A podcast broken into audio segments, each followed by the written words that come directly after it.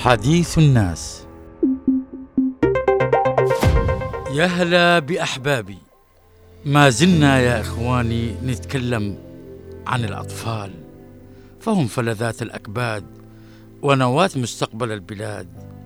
نتكلم عن الأطفال بدءا من الرضع حتى الخمس سنوات. الأطفال والله مظلومين مظلومين كثير. حليبهم كل يوم في سعر ومستلزماتهم أسعار نار في نار. إيش نقولوا إيش نخبي؟ الأسرة الفقيرة اللي عندها أطفال كثير ما أدري والله كيف تسوي. اللي آه، نعرفه أنه حالات سوء التغذية تزيد يوم عن يوم. اللي عنده أطفال خمسة من سن شهر إلى خمس سنوات هذا معذب والله معذب كثير كثير جدا.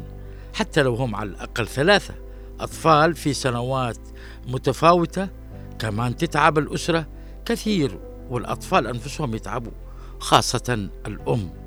يعني إذا تعبت الأم ومش قادرة ترضع طفله لو هو سنة وكم شهر برضه يكون بحاجة لحليب الأطفال والغذاء مثل الشعير أو القمح اللي يسموه سيريلاك وبيبلاك وهاتلاك من أسماء ومستلزمات أخرى. مثل الحفاضات والأدوية باعتبار أن الأطفال عادة ما يتعرضوا للأمراض منذ سن مبكرة في الأشهر الأولى خاصة. كان بالله الطفل الواحد يحتاج ميزانية في الشهر على غلاء الأسعار في الصيدليات من غير ما نعمل حسبة نقول هكذا. من الآخر الطفل طبعا على أقل تقدير بحاجة لقرابة سبعين إلى ثمانين ألف ريال من الأدوية والحفاضات وكل المستلزمات الأخرى بما فيه الحليب حليب الأطفال طبعا.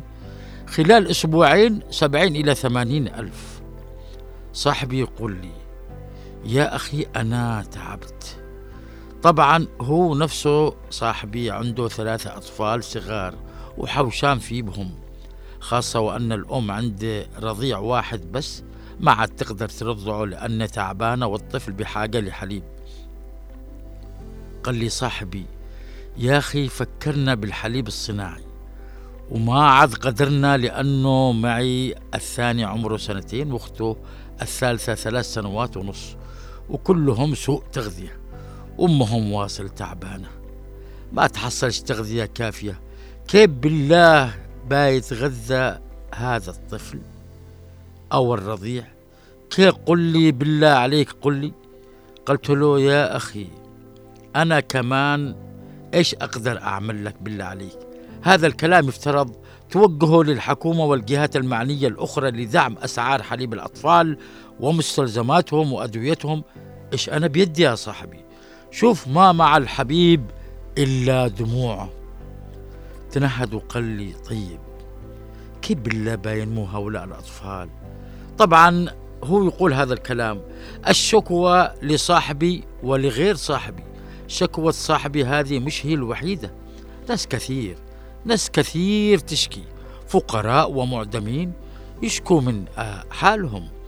حالتهم المعيشية سيئة جدا. إذا كان في بعض الأسر مش قادرة تحصل على قوت يومه بالله كيف تؤمن حليب؟ وغذاء ومستلزمات وأدوية أطفال. والله أسف يا أخواني أسف كبير. إذا كان سعر أقل علبة حليب 400 جرام تصل إلى أكثر من 12 أو 13 ألف فما بالكم بالسريلاك والحفاضات اللي توصل إلى أكثر من 12 ألف كمان ومعك الأدوية ومستلزمات أخرى. في كل مكان تسمع الأنين. تسمع الناس على صوت واحد وهم يشكوا ويطالبوا بتخفيض أسعار الحليب والمستلزمات والأغذية والحفاضات حق الأطفال. إيش بالله ذنبهم؟ كما قلت لكم يا إخواني حالات سوء التغذية في ازدياد. يقول لي صاحبي يا أخي طول الليل وطفلي يصيح لا أمه قادرة ترضعه لأنه تعبانة ولا أنا قادر أوفر له الحليب أو السريلاك والله يا أخي أنا حوشت وتحسر آه كلما شفت جسد طفل النحيل هزيل هزيل. مش هو بس أخوه اللي أكبر منه بسنتين وأخته اللي تكبره طبعا بثلاث سنوات وكم شهر. قلت والله يا أخي أنا ما أقدر أعمل لك حاجة. وقلت يا إخواني أي جيل ننتظر؟ أنا أقول لكم الآن بصراحة أي جيل ننتظر وأي مستقبل ننتظر والحكومة ولا هي هنا. لابد بصراحة بصراحة من اتخاذ خطوات جادة من قبل النخب السياسية الجنوبية ومنظمات المجتمع المدني الجنوبية طبعا والشخصيات الفاعلة في الجنوب للقيام بدور فاعل والضغط على الحكومة على الأقل تقوم بالدعم الكافي والحقيقي لحليب الأطفال ومستلزمات أيضا الأطفال وأغذيتهم مثل الشعير والقمح وغيره كالسريلاك والبيبلاك اللي ذكرتهم قبل والحفاظات باختصار. كل متعلقات الأطفال بما في ذلك الأدوية الضرورية اللي يحتاجها كل طفل. بالإضافة إلى الرقابة الشديدة على المستشفيات أو المجمعات الصحية الحكومية اللي تتلقى الدعم من المنظمات الدولية. هذا فيما يتعلق بالأدوية لأنه بصراحة الفقراء وذوي الدخل المحدود كثرت شكاويهم كثير.